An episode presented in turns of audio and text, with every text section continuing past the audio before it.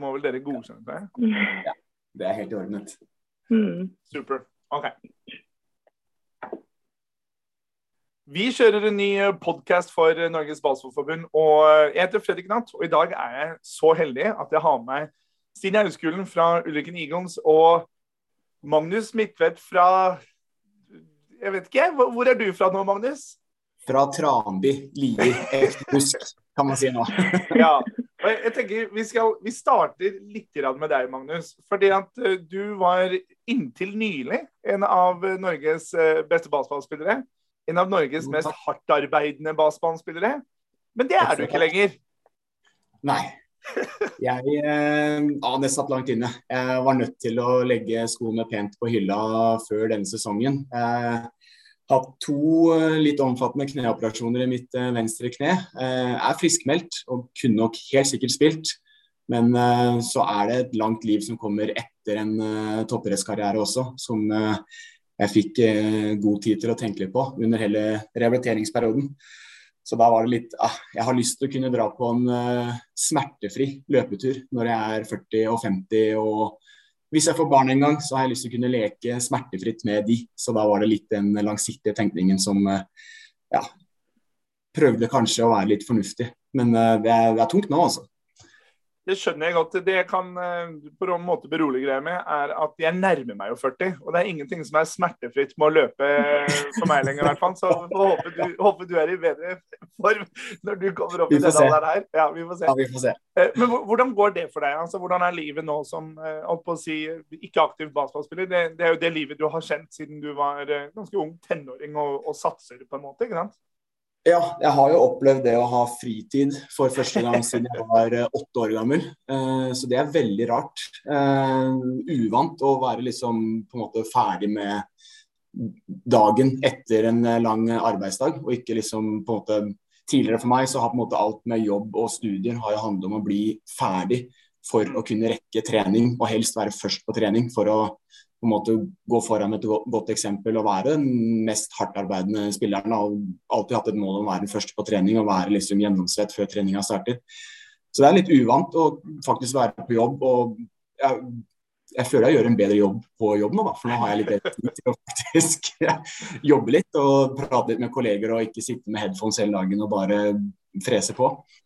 Eh, og så er det også litt fint å lette litt på egen samvittighet med å ha mer tid til eh, venner og familie utenom eh, basketen også, som jeg på en måte ikke har hatt så mye tid til.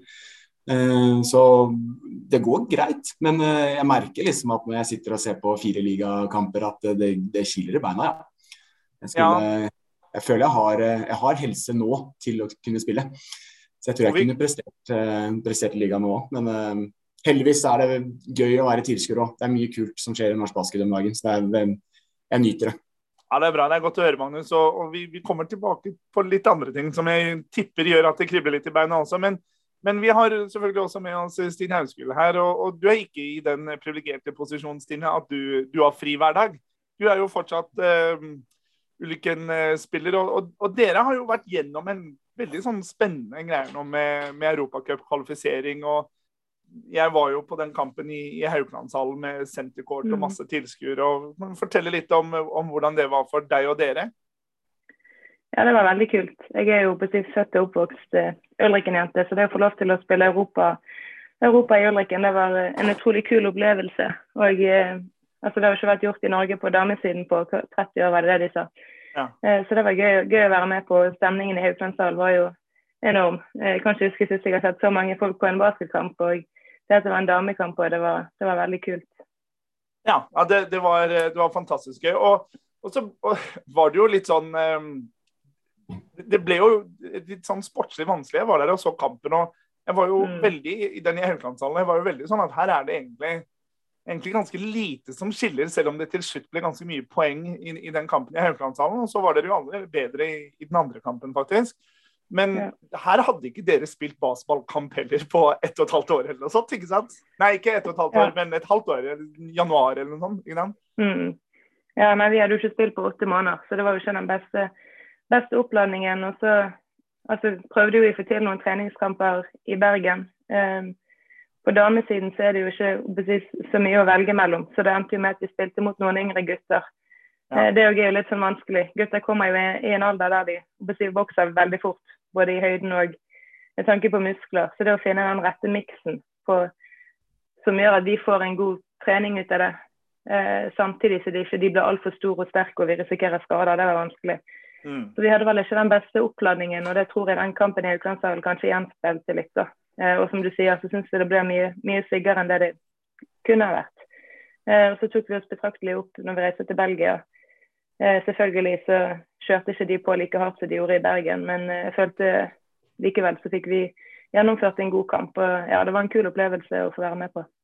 Ja, og så er det et eller annet med eh, når man spiller sånne kamper. altså Du har jo eh, spilt Var det fem år du spilte i USA til slutt? Mm. Fem år eh, som du var i USA. Eh, så du har jo spilt på en måte på et eh, annet nivå enn hva den norske eh, firerligaen nå er. Men jeg ser jo dere i Ulriken har et veldig talentfullt lag. altså Dere har noen som etter hvert er veteraner og har en del erfaring. Og så har dere mange unge jenter som i og for seg har erfaring fra at de har spilt Europa i yngre klasser.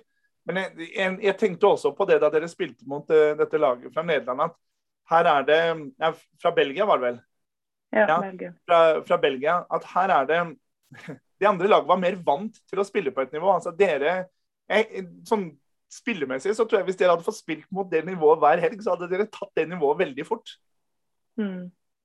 Ja, nei, altså, som du sier, så har jo alle de unge har jo spilt i, spilt i Europa, men det er veldig stor forskjell fra aldersbestemt til mm. senior. Spesielt da i Europa. Kanskje ikke så, så stor forskjell i Norge. Eh, så det er et helt annet trykk enn det vi er vant til. Og vi prøvde jo selvfølgelig å, stimulere litt det på trening, men altså, man får ikke man får det aldri helt likt som det er i, i kampsituasjonen. Så det kom kanskje litt som et uh, sjokk på oss, det trykket, selv om vi mentalt hadde prøvd å forberede oss på det. Uh, og så når vi i tillegg ikke har spilt kamp på, på 80 måneder, så ja, ble det rett og slett altfor tøft.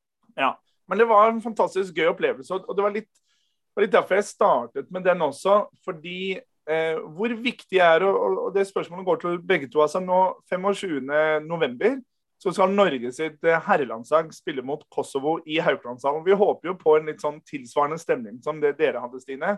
I, i mm. Haukelandshallen med senterkort og altså det, det, så så kult ut.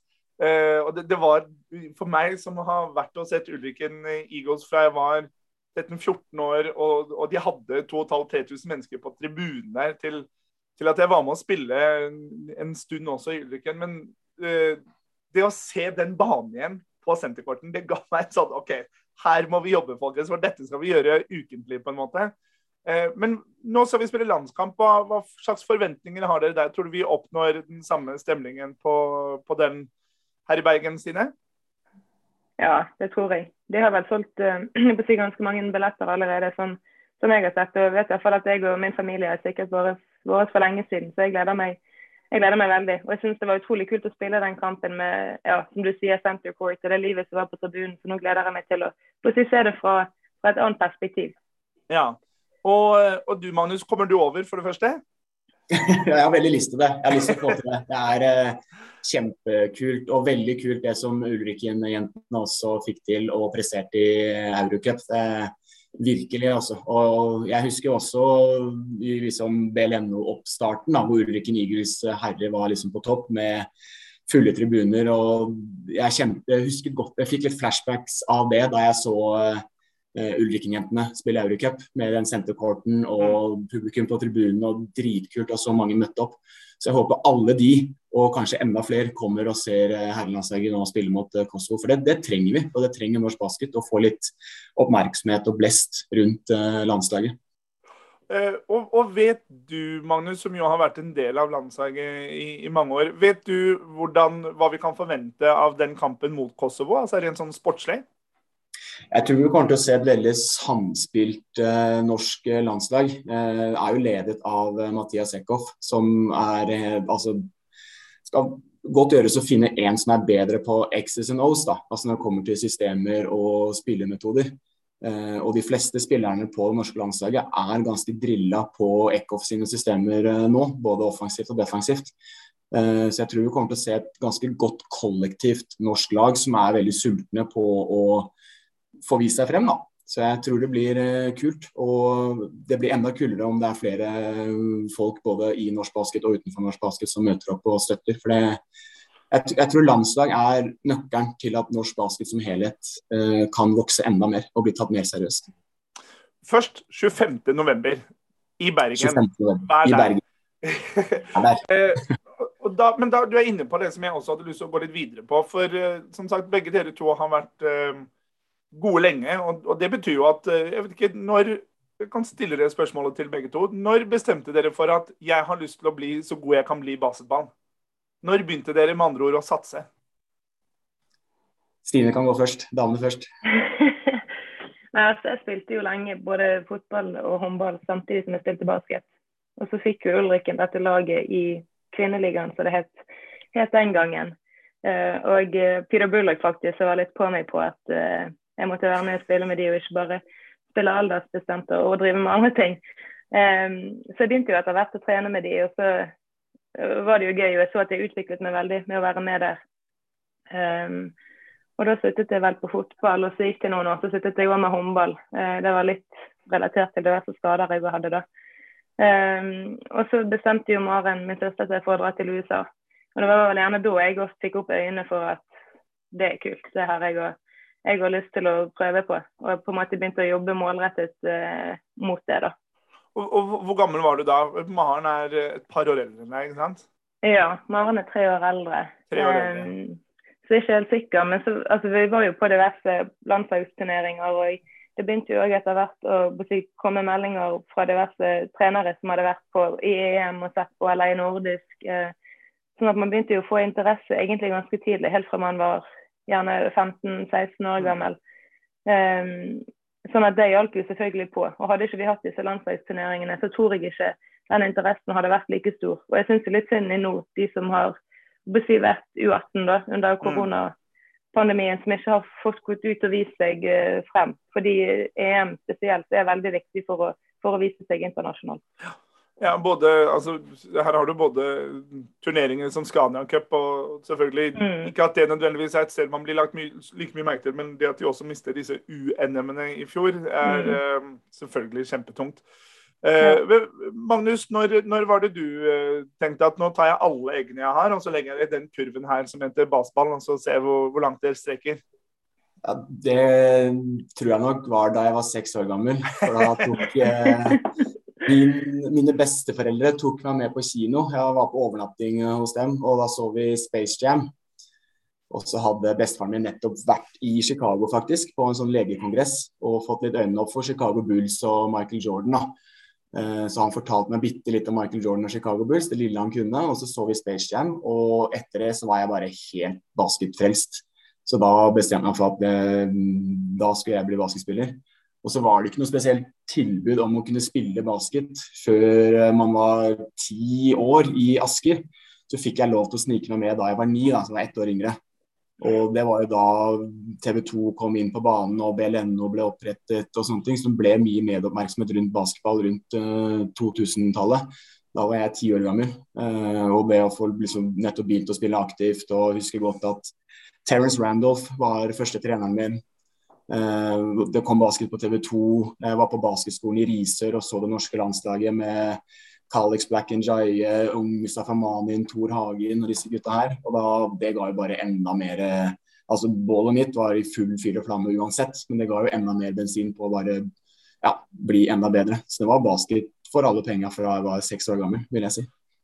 Og, og, Begge dere tror jeg er inne på noe som er viktig. Altså, jeg hadde en prat med, med Tina Moen også for eh, et par uker siden. og Det som går igjen, da eh, Jeg har snakket ganske mye med ganske mange av de, de beste norske spillerne opp igjennom. og det er en sånn der, en litt sånn, de, de, fleste er ganske strukturerte, ganske målbevisste. Eh, og, og, begynner relativt tidlig med å sette seg mål, også, og, og litt sånn delmål, men, men også et, et høyere mål. Eh, og i det så lurer jeg litt på Du er inne på dette her med at det var på TV 2, at det var sånne ting. Stine er inne på ungdomsansagene og viktigheten av det. Eh, og jeg husker selv da jeg var som jeg nevnte, 13 år og, og Ulriken hadde 2000-3000 mennesker på tribunen. Jeg spilte også fotball og basket, og for meg var det like gjevt å skulle prøve å bli en Ulriken-spiller som å bli en Brann-spiller, egentlig. For så store var Ulriken i, i, eh, Bergen den gang. Og for, for, de som er yngre i dag, det er jo egentlig de er jeg på mange måter er mest opptatt av. Hvordan får vi flere yngre? Og ikke minst, hvordan gir vi de noe å strekke seg etter?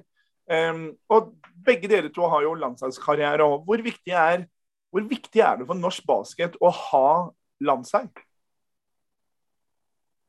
Jeg tror vi gjør tror det sånn at Ja, Super Magnus, kjør. Jeg, jeg tror det er eh, ekstremt viktig. Altså, man trenger liksom I hvert fall jeg har jo, og det tror jeg gjelder på vegne av alle toppidrettsutøvere, man setter seg mål for å ha noe å strekke seg etter. Noe som gir motivasjon for å stå opp tidlig hver dag, for å få den nødvendige treningen. Uh, I tillegg til alt annet man kanskje har på siden av med studier og jobb, når man på en måte ikke har den fulle sponsordekningen som enkelte utøvere et, kun et fåtall kanskje har. da. Uh, og Det å ha et landsdag er på en måte det gjeveste du kan oppnå som en uh, idrettsutøver. Og noe av utfordringen når norsk ikke hadde landslag en liten periode, var på en måte når man kommer opp på seniornivå, hva skal man ha å strekke seg etter i Norge? Hvis man på en måte da ikke kan spille utlandet pga. familie eller jobb eller andre situasjoner. Eh, så jeg tror det er ekstremt viktig å ha et landslag, og det var alltid både min drive da jeg trente og sto på og var yngre, var på en måte å ende opp liksom i, på landslaget. da. Det er jo på en måte Altså, jeg som alle andre ser jo fotball. Jeg, ser, jeg kan ikke si at jeg er en super fotballfan, jeg ser ikke så mye fotball. Men når Norge spiller, da sørger jeg for å få med de kampene. Um, og det er litt sånn jeg tenker sånn med basketen også, at er, vi, vi, jeg tror vi har absolutt gode nok spillere.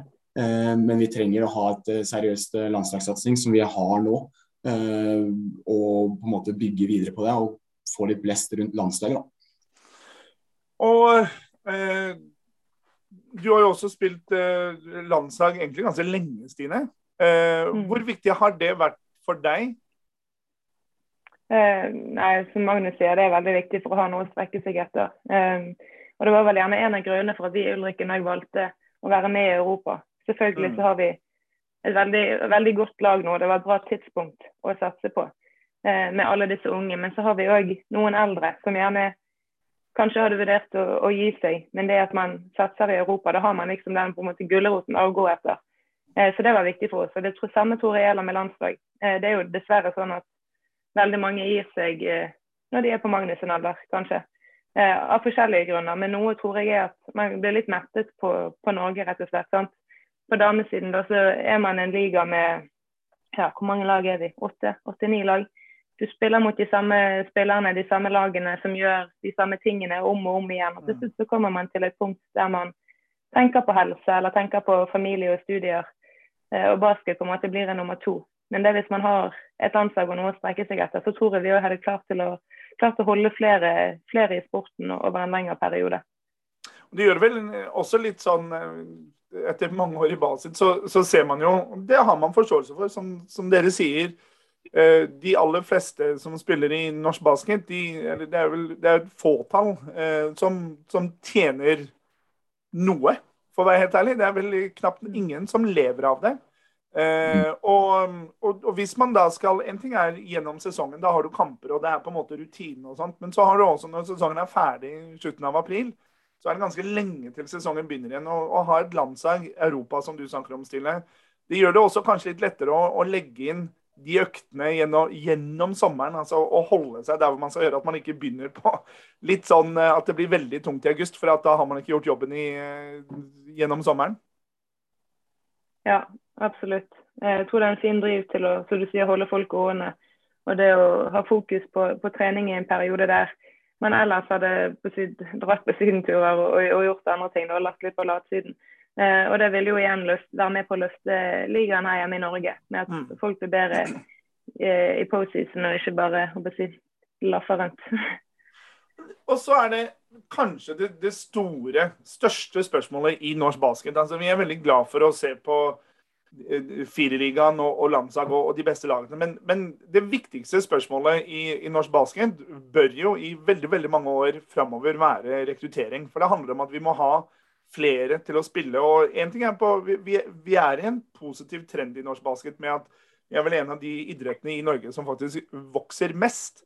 Eh, samtidig så, så, ser vi på jentesiden, så er det kritisk her i Bergen, Stine, på, på yngre lag, og, og, også vel på, mm. i, i, resten av Norge. Så hva kan landslag ha å si for rekruttering, tror dere?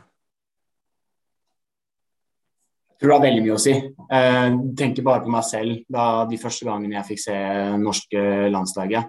Um, hvor mye motivasjon og en sånn drive det gir deg for at OK, det ser gøy ut, jeg har lyst til å spille Altså alle seriøse idrettsutøvere har lyst til å spille med de beste. Um, og altså Jeg tenker liksom litt sånn Spesielt på, liksom på damesiden, da. Da jeg var liten, så, jeg så, Da jeg så håndball på TV, så så jeg bare damehåndball. Fordi damene var sinnssykt gode.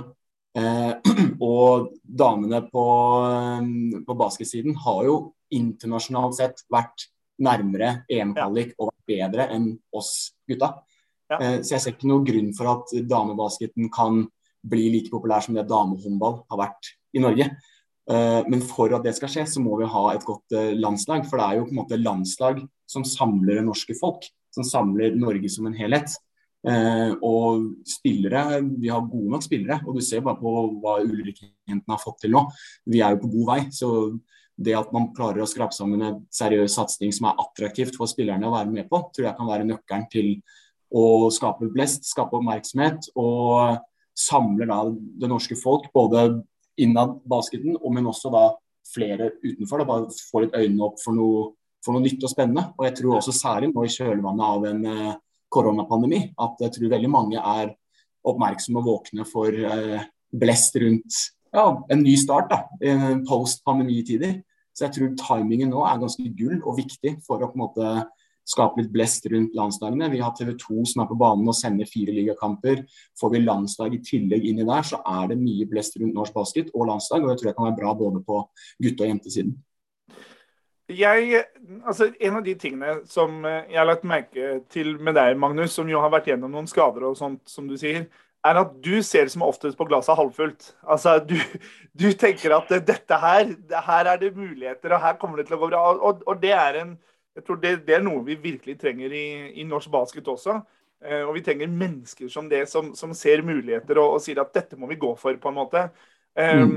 og, og, og, jeg er helt enig, vi er i en spennende periode. Vi er også, tror jeg, eh, i ferd med å gå inn i en ganske sånn spennende periode for for norsk idrett generelt. fordi at en del av de internasjonale Premier League, f.eks. rettigheter, blir så store og dyre at internasjonale selskaper som Discovery osv. kommer til å presse på en måte ut eh, NRK har ikke hatt det på mange mange år, og, og nå har heller ikke TV 2 det lenger. Og mm. TV 2 har da gått til at de har kjøpt eh, Fireligaen, norsk basket, de har, de har kjøpt innebandy, de har kjøpt volleyball osv. Jeg, tror, mm. jeg tror norsk media tror jeg faktisk kommer til å ha et større fokus på norsk idrett det neste tiåret enn hva de har hatt det siste tiåret. Og Det er veldig spennende for norsk basket. og Der kommer også landslag, som du sier, inn. Um, så, så må vi bare legge til at det er lettere å bli internasjonal i håndball enn det er i basket. Det er på en måte en av de tingene som er litt kjipt for oss, fordi at basket mm. er en mye mye større idrett globalt enn, enn hva håndball er. Um, men du var også inne på en annen ting med landslagsstatistikken som, som, jo hører med. For at har, vi har også ungdomslandslag. Men at når du, når du, spiller i Jenter 15 i Bergen, så, så er de fleste Så har ulykken i, i, mange år vært for å si det forsiktig, ganske overlegne på, på sånne yngre aldersgrupper jenter her i, i Bergen. Da, da du var ung, så var det vel Gimle og Ulrikken. Det var vel ganske jevnt, faktisk? Var det ikke det? Jo, det var jevnt. Og vi hadde jo veldig mange lag å spille mot. Altså, ja. Jeg hadde jo altså, to-tre kamper hver dag. Nei, hver helg, mener jeg. Eh, bare i én serie, kanskje. Og nå trener jo jeg et lag der vi er Altså, Vi har ikke godt nok tilbud i U17-serien, så vi er nødt til å reise til Oslo og spille kamper. Og så spiller vi i U19-serien, og da er det to Ulrikken-lag og et topplag. Ja. Um, så det er jo veldig synd å se. Og som du sier, så er jo landslag viktig da. Sant? Man går på trening hver dag, man spiller ikke så mange kamper, eh, spiller mot de samme hele tiden. Det er lett for at man blir litt lei og for at det rett og slett blir kjedelig. Uh, så jeg tror yngre landslag er viktig der, fordi at man ser at ja, jeg er kanskje best i Bergen, men det betyr ikke at jeg er best i Norge. Sant? At man da møter folk fra resten av Norge og får komme sammen og trene mot de. Og så ser man gjerne da hva man må, må strekke seg etter og hva man må øve på for å bli bedre. Og så for å ta det enda lenger, da. Man kan igjen være best i Norge, men når man kommer internasjonalt, så er man eh, ja, Altså Det holder ikke mål der. Eh, så jeg tror yngre landslag er veldig viktig for unge folk for å se hva de skal strekke seg etter og øve på for å, for å bli bedre. Eh, og så igjen, hvis vi da tar seniorlandslag, så har man disse forbildene som man ser opp til, og det tror jeg er utrolig viktig. Og jeg ser det bare sjøl hvis jeg er med på mye sånn inklubasket i Ulriken og går rundt på diverse skoler. Eh, og hvis man kommer på en skole med ja, folk som går i tredje klasse og sier man spiller på landslaget, så får de, altså de får stjerner i øynene og, mm. og, ser virkelig opp til deg. Eh, så det å satse på landslag tror jeg absolutt er viktig. Helt fra de aldersbestemte, men òg opp til senior. Eh, og, og, nå er vi der at eh, foreløpig så er man ikke helt sikker på hva som skjer med kvinnelandslaget. Hva, hva skal til, tror du Stine, for at eh, vi skal ha den samme satsingen der som, som vi nå har på gutta? Så, som Magnus sier, internasjonalt har jo kvinnene vært nærmere eh, enn gutta sånn tradisjonelt i, i Norge? Ja. Eh, nå når korona var, så skulle vi vel egentlig vært og spilt eh, dette Small Nations. Eh, I sommer skulle vi vel ha spilt det. Og så var det litt, eh, litt dårlig planlegging, og så skulle det gå én måned, og så ble det flyttet til neste. Og som vi var inne på tidligere, så er det veldig få i Norge som lever av å spille basket og tjener på det. Så hvis jeg har satt av min sommerferie i juli til å være med Small Nations, og når det da plutselig blir flyttet til august, så er det ikke sånn at jeg bare kan reise vekk i, vekk i tre uker på treningsleir og spille turnering. Um, så det gikk dessverre i vasken. Uh, og så blir det jo spennende nå å se fremover hva, uh, hva som blir av det. Nå har jeg egentlig glemt spørsmålet ditt. Nei, hva, hva, hva, tror du skal til for at Hva må vi gjøre for å få på en måte den samme satsingen rundt, rundt kvinner på landslaget? Ja. Eh, nei, altså Det handler jo om interesse, eh, mm. mener jeg først og fremst. Man ser det jo bare på disse fireligakampene. Eh, vi var i Oslo i helgen, og den ene kampen var det vel fire folk på tribunen. Eh, så jeg tror det begynner med promotering. Eh, og der har kanskje disse herrelagene vært litt flinkere enn oss eh, på akkurat det. Eh, og jeg ser det jo på Ulriken òg på våre hjemmekamper. Altså, det er jo ikke mange folk som kommer til vanlig. I Europa var det mange. Og da var vi veldig flinke til å promotere det og, og, få folk til å komme på kampene. Og jeg tror det begynner der. Eh, og det med at TV 2 nå har kommet på banen, tror jeg absolutt kan hjelpe. Eh, og jeg tror at det hjelper på at flere begynner å spille basket først og fremst, sånn at vi får en jevnere liga. Eh, for det er jo ikke eh, det er ikke noe gøy å se på. Det forstår jo jeg òg når noen lag feier de andre av banen. Eh, så jeg tror rett og slett det begynner der. Få inn flere som spiller basket, det er bedre nivå. Eh, og så selvfølgelig ta det videre til landslag. Med, med, at det er et godt nivå der, og at man får interesse rundt kamper. Kanskje ha noen kamper i Norge.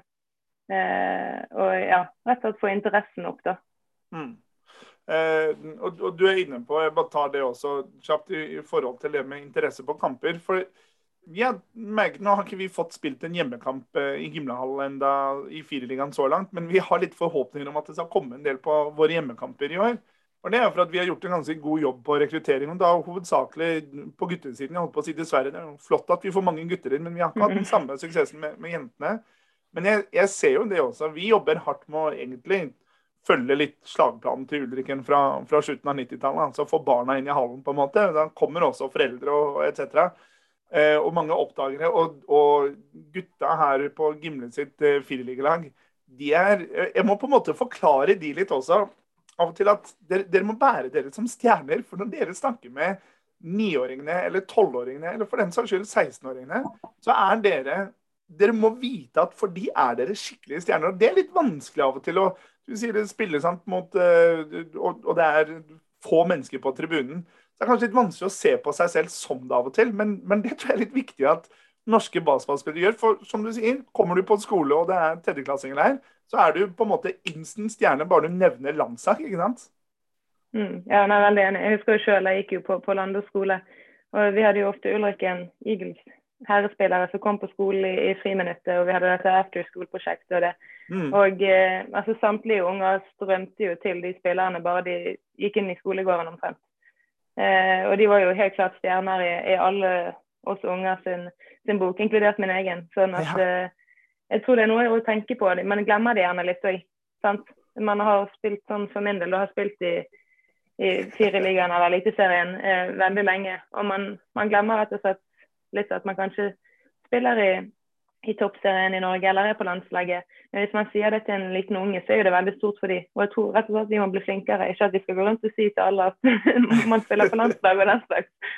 Men, men, noen steder tror jeg rett og slett de må bli flinkere til til å bruke det til vår fordel. Og, og, og, ikke minst det med også få, uh, publikum på fireligakamper. For hvis, uh, hvis, Magnus Midtvedt kommer uh, med sentrum og spiller mot Gimle her, og, og lager kvalm i Gimlehallen og putter mye poeng og, spiller forsvar på gutta våre og gjør livet vanskelig der og sånt, og så, og så får også barna se han. Hvis de da i tillegg får vite at ja, nå skal jo Lars og Mikkel og disse gutta spille sammen med Magnus, og, det kan se, og så får man mm. alle til å komme. For jeg tror du var inne på det i stad, Magnus. med at vi må jo først begynne. altså Vi er ganske lite basketballmiljø, men hvis man samler basketballmiljøet, det er jo en god start å starte der rundt, uh, rundt landslaget nå. Det er vel rett og slett så enkelt når det gjelder media og, og, og TV 2, da, som er spesielt inne nå. Uh, der er verden blitt såpass enkel at uh, hvis de ser at det kommer masse mennesker i hallen på kamper, så blir det også mer interessant å dekke kampene. Og med en gang de dekker kampene, hvis miljøet også er flink der til å sammen dele artikler og, og, at det blir mye lest, og sånt, så, så, blir det lagd mer. Altså, det er en ganske enkelt hjul egentlig som skal rulle, rulle der. Og der må, vi, mm. liksom, der, der må alle i norsk basket være med på å støtte hverandre og, og, på en måte si her skal vi heie fram Ulriken-jentene når, når, dere gjør noe sånt, selv om, selv om vi er i Gimle. Altså, der, der, må vi være med hverandre, på en måte. ikke sant? Ja, vi må, vi må være på lag. Først og fremst så er jo vi Basket Norge. Og Basket Norge er på samme lag, selv om vi tilhører forskjellige klubber. Uh, og Jeg tror det er veldig viktig, jeg er veldig enig i det Stine sier med tanke på rekruttering. hvor Jeg husker hvor enormt store forbilder Asker Aliens BLNO-spillerne var da jeg først begynte å spille basketball. Og når de kom på skolebesøk og sånne ting, det var jo bare, det var jo som superstjerner. Det var jo rockestjerner som kom på skolebesøk, liksom. Og jeg tror uh, både Stine og jeg har kjent på det at det er litt vanskelig for oss at plutselig er liksom rollene snudd. At uh, vi kanskje har vært der, og vi føler nesten litt som litt, ubehagelig å skryte av det, kanskje. da.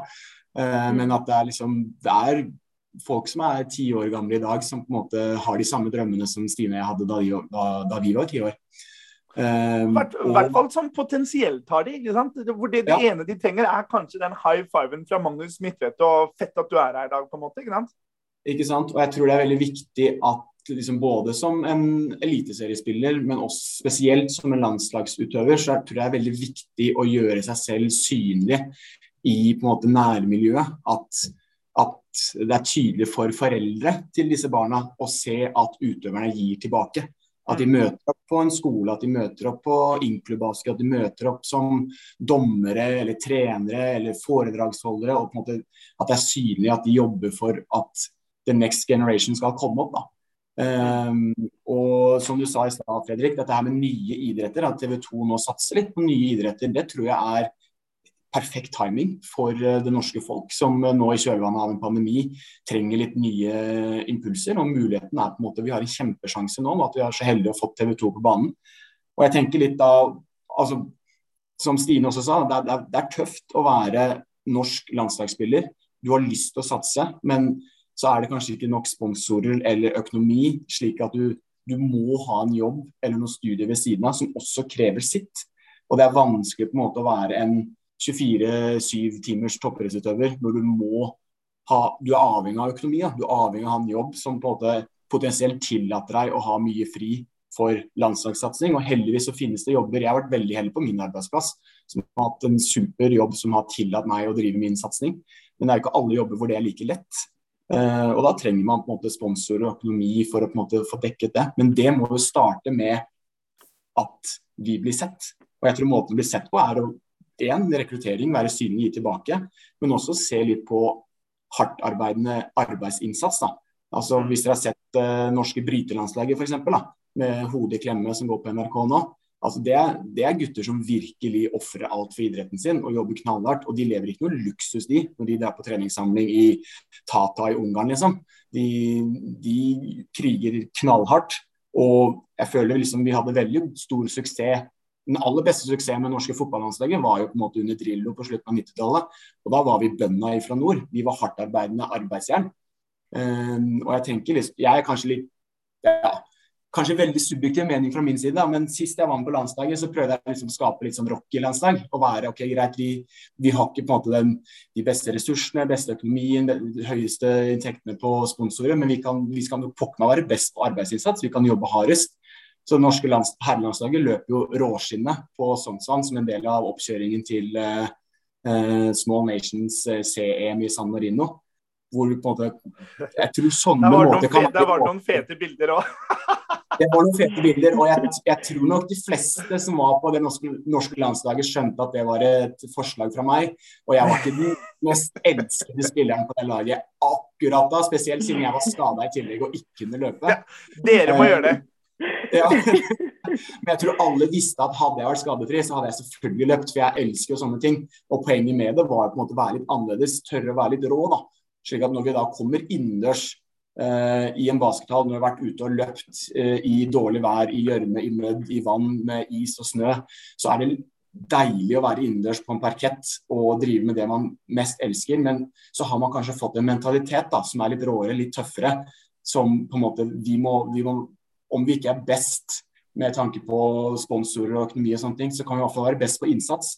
Og vi kan komme ganske langt på innsats. Det syns jeg det norske fotballandslaget på slutten av 90-tallet var et ganske godt eksempel på. Med bønna fra nord og hele den pakka der.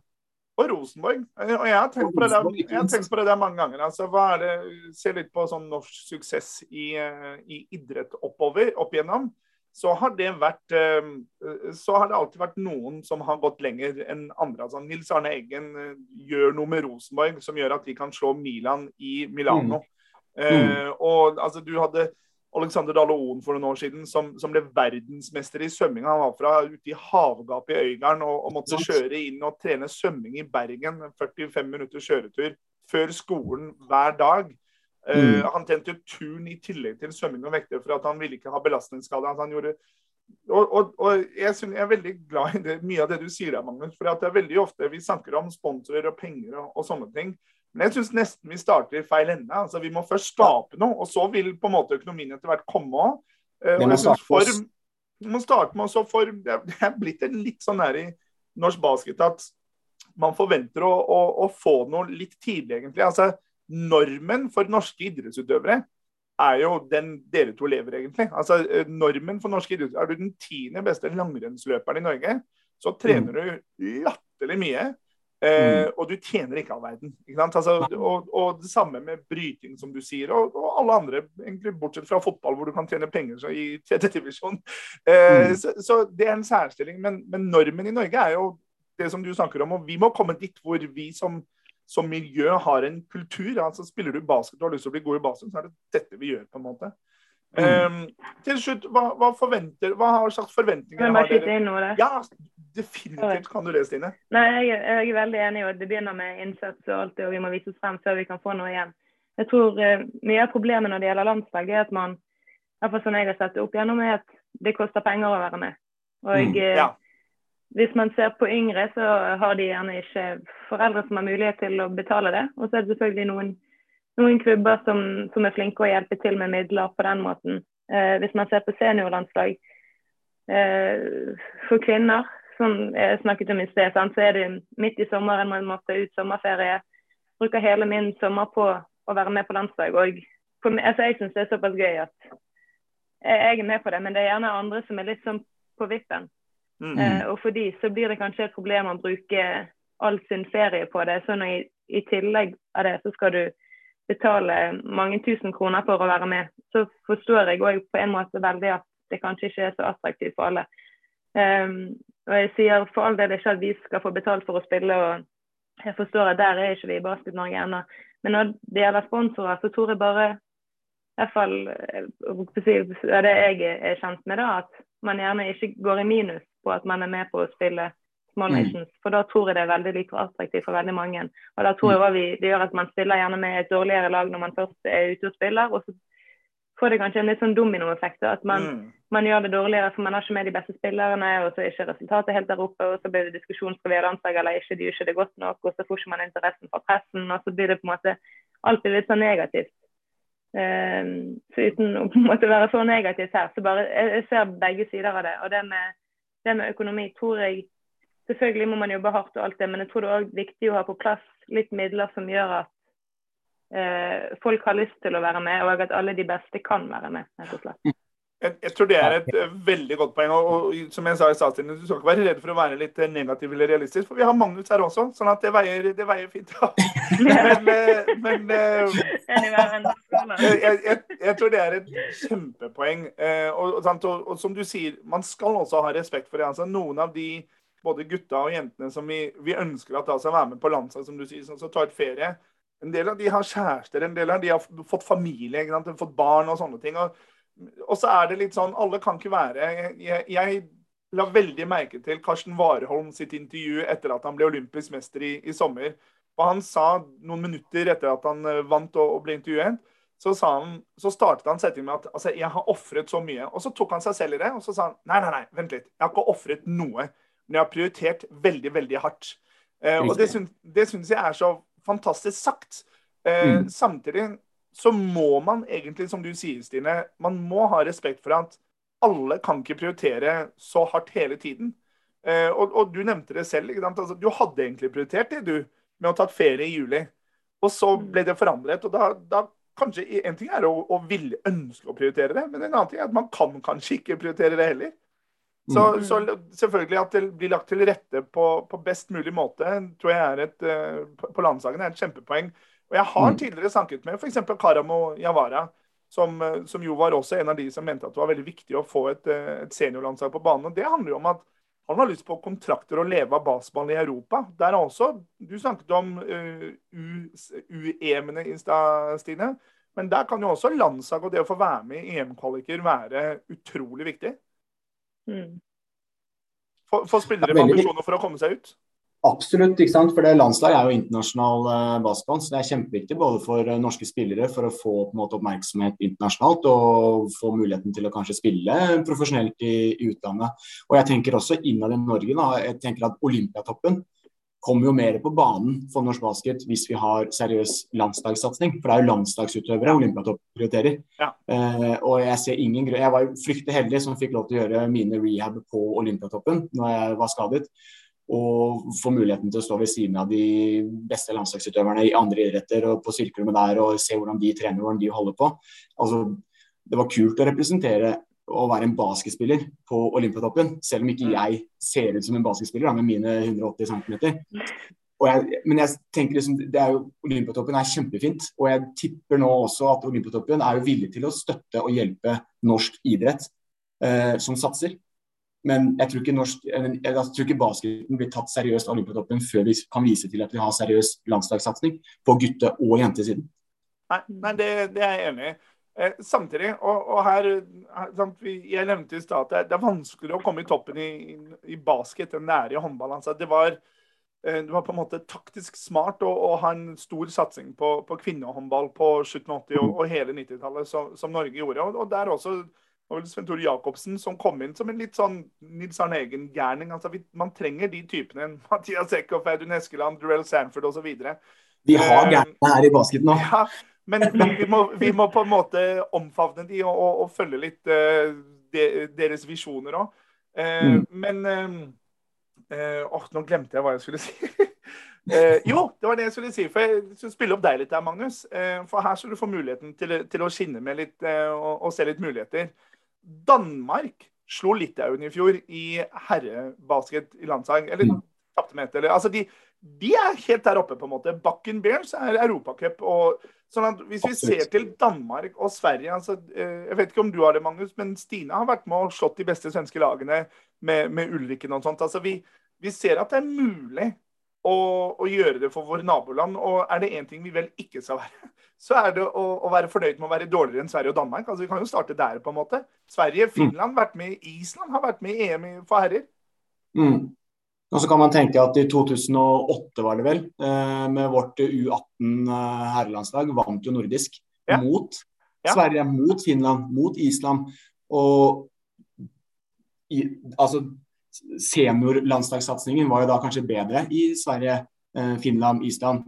Og det viser jo bare litt altså Vi i Norge er, vi er på samme nivå, men så har vi ikke hatt den samme landslagssatsingen på seniornivå som våre naboland. Og våre naboland har konkurrert i EM mot de beste europeiske spillerne i, i, Europa. som Flere av de spiller jo gode minutter i NBA og dominerer i NBA, verdens beste liga. Så altså, Det er lett for oss kanskje å tenke at det er så langt opp dit, men det er jo ikke det. Og Vi åpnet jo innledningsvis med Ulrik Niengels i Eurocup. Vi, sier jo liksom at resultatet er ljuger litt, for forskjellen er ikke så stor. Hvis vi får litt mer internasjonal matching, så kommer det, de forskjellene til å krympe enda mer. Og krymper det enda mer, så vips, så kan vi som eh, liten basketnasjon slå større nasjoner. Eh, slik eh, andre norske landslag i andre idretter har gjort. Altså Norge slo i Brasil i et VM-sluttspill. Det er jo helt surrealistisk og vanskelig kanskje å tro på i dag, men det er mulig. Og jeg tror muligheten er der, selv om basketball er en veldig stor internasjonal idrett i forhold til f.eks. For håndball. Så er vi er ikke så langt unna som det vi kanskje tror. da. Det er muligheter. Og det tror jeg kan, nå, nå, har vi jo holdt på en stund, og det har vært kjempegøy å sitte her og snakke med dere. Så vi, vi, får begynne å runde av litt nå. Men bare eh, til slutt høre litt hva dere tenker om dette her. For en av de tingene jeg også prøver å si til, eh, til en del spillere, eh, og, og, dette fra da jeg spilte selv, da, da var det jo litt sånn eh, egeninteresse. Men det er at vi, vi, må slutte å undergrave norsk basket. Altså Når jeg snakker med, med folk eh, som enten kan noe om basket, eller kan noe om idrett, eller ikke kan noe om sport generelt, så får jeg veldig ofte vite ja, ja, Norge er jo så forferdelig svake i basket. Det er liksom en sånn unison sannhet mm. som, som, ligger der ute. Og så har jeg jo spilt ti ti år i, i det, den gang BLNO, og, og, nå er jeg med og, og driver Gimle. Og vi har jo et fireligalag som er veldig gode. vi, ja, det er veldig gode. Det, det, det, det, det, det skal jeg innrømme en Østlandet. vi, har, vi har et firerliglag. Og, og, sånn at jeg har jo hatt mye å gjøre med det vi kaller for importspillere i mange år. Nå har vi hatt Milovan Savica, han begynner på sitt fjerde år. Han har spilt i Europa på et sånn europacupnivå flere steder. Eh, og vi har hatt masse amerikanere her. Dere har spilt eh, med og mot eh, mange amerikanere og, andre europeere. Og det, det, som er sånn gjennomgående, er at de sier til meg, når de har vært her i bare noen uker, så er det liksom litt sånn de trodde de skulle komme til et sånn Hvordan pakker man ballen, og hvordan skyter man, på en måte. De er veldig mm. imponert over faktisk nivået på de norske spillerne. Ikke på nødvendigvis altså Du har de andre amerikanerne og, og importspillerne som hever nivået. Men mm. norske spillere Vi må slutte å undergrave det. for altså, Dere to er jo to eksempler på det, og vi har mange mange andre i, i, i ligaen også. Vi, vi, må slutte å, å, å, å undergrave våre spillere. Som du nevnte, Magnus jeg så den kampen direkte med Ulriken mot, mot, dette belgiske laget. Det er, jeg tror Hadde dere spilt ti kamper, så hadde de siste fem vært close. For jeg tror dere hadde trengt litt tid på å ta nivået. Så sånn spillere mm. er dere der, på en måte, syns jeg, da. Mm. Jeg tror det er litt av problemet. Sant? Vi snakker om internasjonal matching, men, men, hvis man spiller i Norge, så får man gjerne det kanskje hvis man har et landslag da, en gang i løpet av sommeren. Eh, og så går man gjerne et helt år før neste gang. Og jeg tror alle har vært med på det, i hvert fall jeg sikkert sikker på Magnus har vært med på det når man har vært ute og spilt EM. Sånn, så blir det kanskje litt stygt de første kampene. Og jo lenger ut i turneringen man kommer, så ser man at man gjør det bedre og bedre. Og hadde vi spilt mot det laget på nytt nå, så tror vi hadde slått dem. Og de tingene mm. der. Og det er litt synd. Og som du sier, så tror jeg vi må slutte å undergrave hvor, hvor, dårlig norsk basket er, men heller fokusere på å få denne matchingen. Og hvis vi får det over tid, så tror jeg vi har kommet et godt stykke på vei og faktisk kan vise at eh, vi har noe i europeisk basket å gjøre. Ja, ja. Og man ser jo ikke, ikke for å snakke noe ned på norske spillere for 10-15-20 år siden. De det, det skal du være veldig forsiktig med når jeg sitter her, jeg Magnus. I all ydmykhet høyt nivå. Um, men jeg tror dagens eliteserie er større preget av at det er norske spillere som er uh, stjerner på mange lag. Det, det, det, er udiskutabelt. Altså, det var mer importer tidligere. Nå gjør man ikke det. Uh, bare se på Gimle-laget ditt, eh, Fredrik. Det er en, altså, jeg skjønner ikke at, da, at, man får plass til så mange gode norske spillere på et lag. Det må jo være kjempekrig om å få gode nok kvalitetsminutter. Fordi det er så mange spillere der som kunne vært den beste spilleren på hvert eneste BLM-lag. Uh, og så har man på en måte Milan Og hva gir det? det? det? er jo det interessante. Og hva gir det? Du sier det, sant? kriger om minutter. Det betyr at hver eneste trening så er det kamp. ikke sant? Altså, hvem er Du har Mikkel og Lars eh, Espe som, som, to garder. Det vil si, vi har Reidar Greve, som er selvfølgelig et kjempetalent. Hadde han spilt for de fleste andre lagene i, uh, i, i Fireligaen, så hadde han spilt masse, sikkert. han. Men, men, kamper er en liten del egentlig av sesongen. Der hvor du blir bedre, dette vet jo dere sikkert bedre enn de fleste, men der hvor, blir, der hvor man blir bedre, er jo trening. Og hvis man får den type konkurranse gjennomgående på treninger, så er det der utviklingen skapes. Og, Derfor er også importer viktig, for at de hever tross alt nivået på treninger òg. Og Det tror jeg er litt viktig for yngre, yngre spillere i norsk basket i dag, da, når de kommer opp og får smake litt på seniornivå. Man må, må ikke glemme at det er flere treninger enn kamper.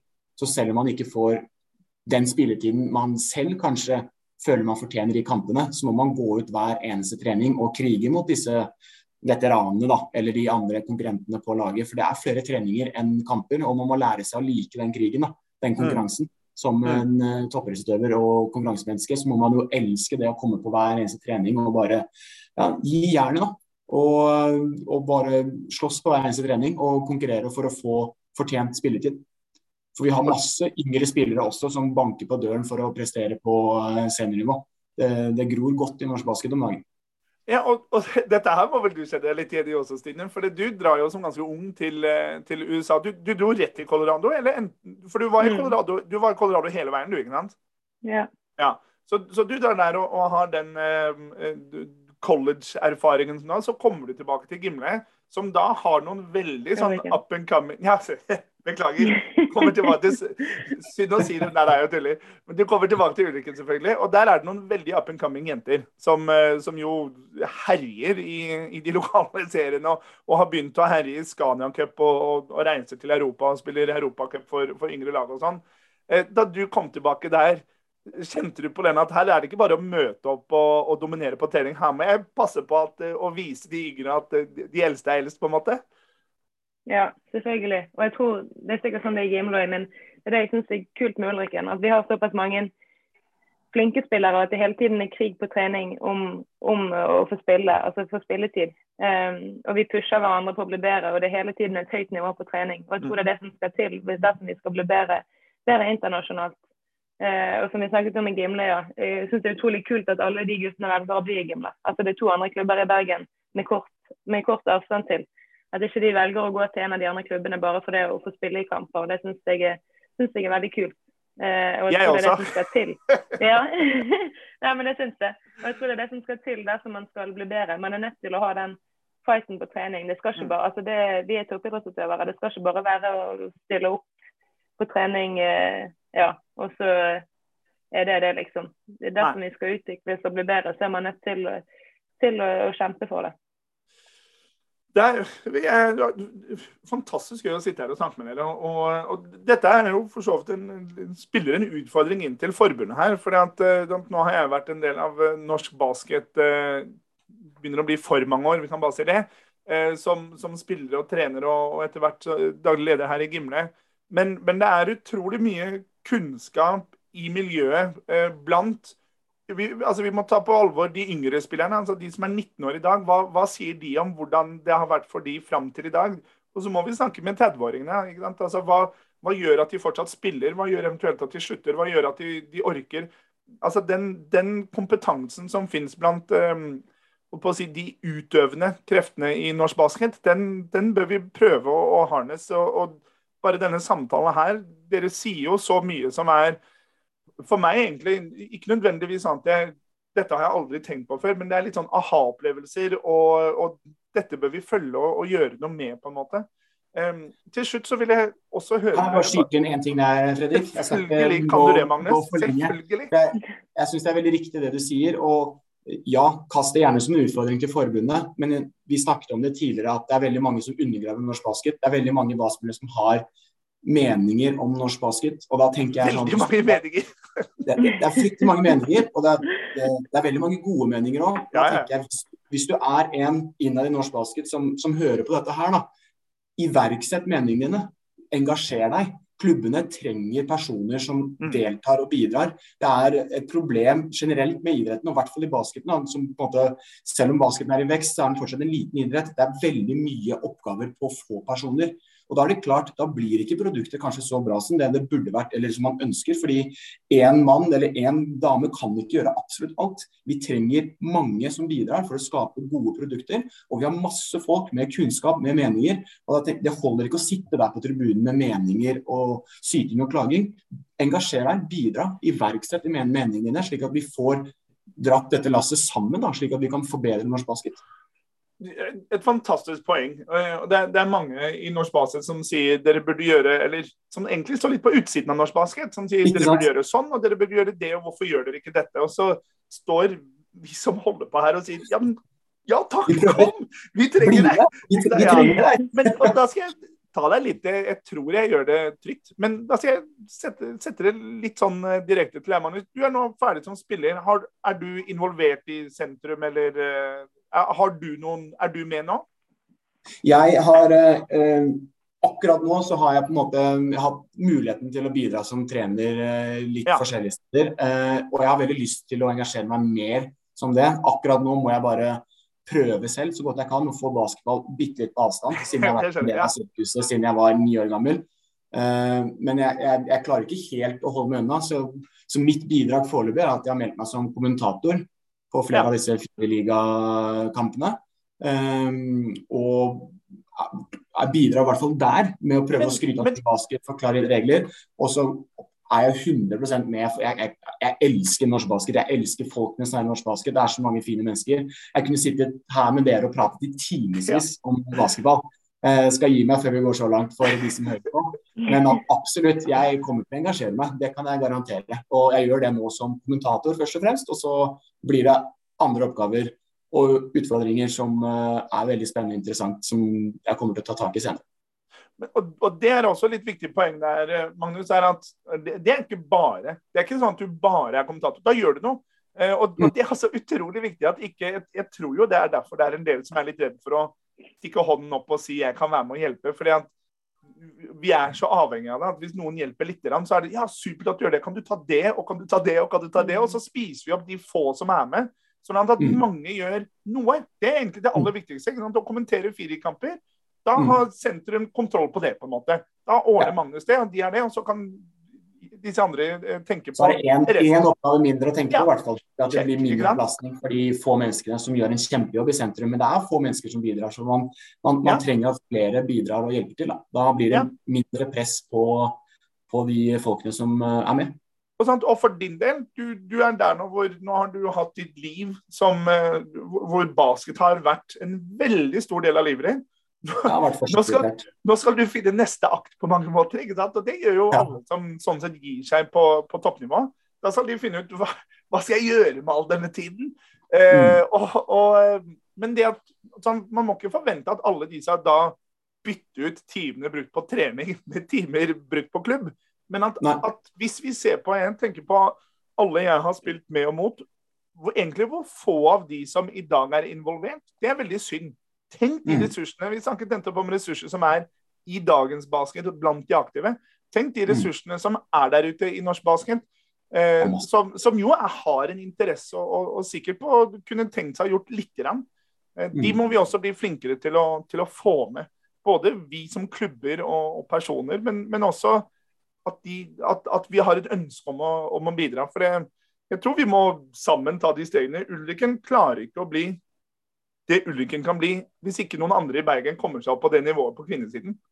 Mm. Og, og, og, det samme selvfølgelig på herresiden. Man klarer ikke å ta de stegene alene. Det må man gjøre sammen. Ja, man må det. Og det er i, i dagens samfunn med sosiale medier altså Jeg har jo elever her på Asker videregående hvor jeg jobber, som sitter og ser på NBA-highlights. Gjør de det nå mens vi har dette er det ja. det du satt på der inne, da? det, det, er helt greit. Da får på basketball, for å si det sånn. Ja. Du, har, du, har, jo elever som på en måte som ikke er basketspillere, som syns det er kjempegøy å se på NBA og se på basketball. Og vi har jo da Den muligheten hadde ikke jeg da jeg gikk på, på, på, skolen, fordi da var det ikke sosiale medier like stort, men nå er det lett tilgjengelig. Mm. Og tenker jeg sånn, ok, Hvis man liker basketball og ser på NBA, jeg vet at det er verdens beste liga, men da bør man også, liksom, hvis det er norsk landslag, så må man liksom Oi, hvor, hvor langt, hvordan er det norske landslaget i forhold til disse stjernene her? Og så ser man kanskje Luka Doncic, da, som er fra Slovenia. Okay, Slovenia har spilt mot Sverige og Finland. Norge har slått Sverige og Finland. Ok, Da, da er det ikke så langt igjen, da. Og da vi, vi har nok av basketinteresse eh, blant det norske folk som ikke er eh, inni den norske basketbobla, sånn som i hvert fall vi tre er. Ja, og, og, bare det er tilbake til det samme poenget vi snakket om i stad, at vi må ikke undergrave våre spillere. Eh, vi har veldig mange gode eh, norske spillere, og, eh, og, det er et godt poeng der med at altså, Ta de beste norske spillerne og sett de inn i en hvilken som helst kamp med et Carlick som jeg spilte med. Han, han spilte pickup om sommeren med Dwayne Wade. Liksom. Han, det var ikke det at han var bedre eller like god som Dwayne Wade, men han gjorde seg absolutt ikke bort der borte heller. Han er jævlig god til å spille basket. Så, mm. Eh, og, det, har vi, det, har vi, mange av. Så, så, det er viktig at vi på en måte løfter opp uh, våre spillere og ikke liksom uh, går med hodet senket og, og tror at her, her, har vi ikke sjans. Og on that note så tenkte jeg skulle høre med dere. Hva, hva slags forventninger har dere til landslaget? Vi skal jo spille flere kamper, men nå den første mot Kosovo. 25.11. i Bergen. Uh, hva, hva, slags forventninger har dere der, da? Vet dere noe om Kosovo? Take it away. jeg, jeg, vet ikke så mye om Kosovo, men jeg, jeg vet uh, har vært så heldig og fått lov til å være med på det norske landslaget over flere år. Uh, og jeg vet hvor utrolig disiplin og strukturert de lagene til coach Mathias Eckhoff og Audun Eskeland blir. Uh, så det er et tøft og veldig samspilt norsk lag vi kommer til å få se 25.11. i Haukelandshallen i Bergen. Garantert. Ja, det tror jeg også. Og, og du var inne på det med hver gang vi liksom avslutter, så, så skrår jeg av, for det er gøy å sitte her og snakke med Men jeg må bare si dette her også. Vi har jo, som jeg nevnte, vi har prøvd å få fokus på å få barna inn, og da kommer det også ofte foreldre. Men også sportsjournalister i BA som ikke har vært og sett noe særlig eh, basket før, og ikke kan noe særlig om sporten. De blir litt sånn Wow!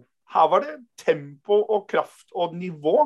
Altså, disse, de som spiller, disse damene og herrene som spiller i, i, i toppligaen vår, de imponerer fort de uinnvidde, på en måte. Altså de som ikke har sett det før. Og når du får sitte nære banen og du får se kraften og, og som sagt teknikken og, og, taktikken rundt dette her. Og så er jo det som er gøy med basket, er at her kommer Harald Frey tilbake, her kommer Karamo Javara tilbake, her kommer Chris Ibo tilbake og Bona Njay tilbake. Altså spillere som spiller i, i Europa. Eh, som jo Parani holder jo eh, selvfølgelig et eh, enda høyere nivå enn noen av de norske. Vi har også norske spillere som, eh, som spiller i fire som kunne klart seg i utlandet. Men, men et par av de jeg nevnte der, er jo litt sånn fysisk begavet òg, som er gøy å se på, da. Mm. Ja, absolutt. Og jeg ser det bare med den europacupkampen vi spilte. Altså, det var, jeg snakket med så mange etter kampen som, som aldri har vært på en basketkamp før. Men de syntes mm. det var så gøy, og selv om vi tapte med ja, 40 eller hva nå enn det ble, Eh, så var liksom alle til siste slutt, og de var så imponert. og eh, ja, Har mange venner som aldri har vært på kamp før. og Der bør de så greie å sondere ja, det, det er. Men, eh, men nei, eh, over hele linjen da, så syns mm. alle det var utrolig gøy. Eh, og synd for oss i Ulriken at vi ikke har spilt en eneste hjemmekamp siden. For det var mange som mm. spurte om når, når vi spiller igjen og mm. ville komme tilbake igjen på kamp. Men jeg tror hvis vi klarer å få den blesten rundt landslaget med å få aviser og TV og alt på banen før kampen, sånn at det blir skikkelig trykk på tribunen, så tror jeg kanskje noen av de folkene òg har lyst til å begynne å gå på fireligakamper, og mm. at man liksom skaper litt, litt best rundt det hele. Ja. Og, og det er... aldri, aldri opplevd Jeg har hatt uh, flere venner av meg som har sett basketball for første gang når de har kommet for å se meg spille. da. Og jeg har aldri opplevd å få en som aldri har sett basketball før, på en basketkamp, som har sagt at det har vært kjedelig. Alle har vært sånn Dette her var sinnssykt kult. Shit, hvor har jeg vært hele mitt liv? Basketball var dritmorsomt. Jeg har til og med hatt venner av meg som i utgangspunktet hater ballspill. Som har kommet på basketkamp og som bare sånn Nei, ballspill er dritt, men basketball, det er fett. Det er dritkult. Jeg kommer igjen. Og eh, nå holder jo Stine og jeg vi holder jo til her på solkysten på Vestlandet, Magnus. Men, eh, men det skal jo også sies at innendørsidrett det, det, passer veldig bra i denne oktober til april-perioden. Innendørsidrett ja. i Norge er ganske greit da. Veldig. Selv om jeg er veldig glad i å løpe ute i regnet og ha litt rockemusikk på øra og slite litt, så det gjør bare at innendørs idrett blir enda bedre. For da ja. inne er det varmt og trygt og godt. Mens eh, ja, man må som en basketspiller også komme seg litt ut i litt snø og drittvær og lære seg den treningen her òg. Ja, ja, og sette pris på at man driver med innendørsidrett. Ja, ja, det hører med. Mm. Eh, folkens, både Stine og Magnus, tusen takk for at dere var med i dag. Det var, eh, som du sa, Magnus, vi kunne sikkert hatt sittet der i, i, mange timer til og bare snakket. Det har vært kjempegøy. Men eh, vi skal prøve å holde jeg håper å si, prøve å holde til en time. Det har vi gått langt forbi allerede. Så eh, takk for praten. Jeg håper dere som hører på også har kost dere. Så tusen takk for at dere var med. Tusen takk, og i like måte.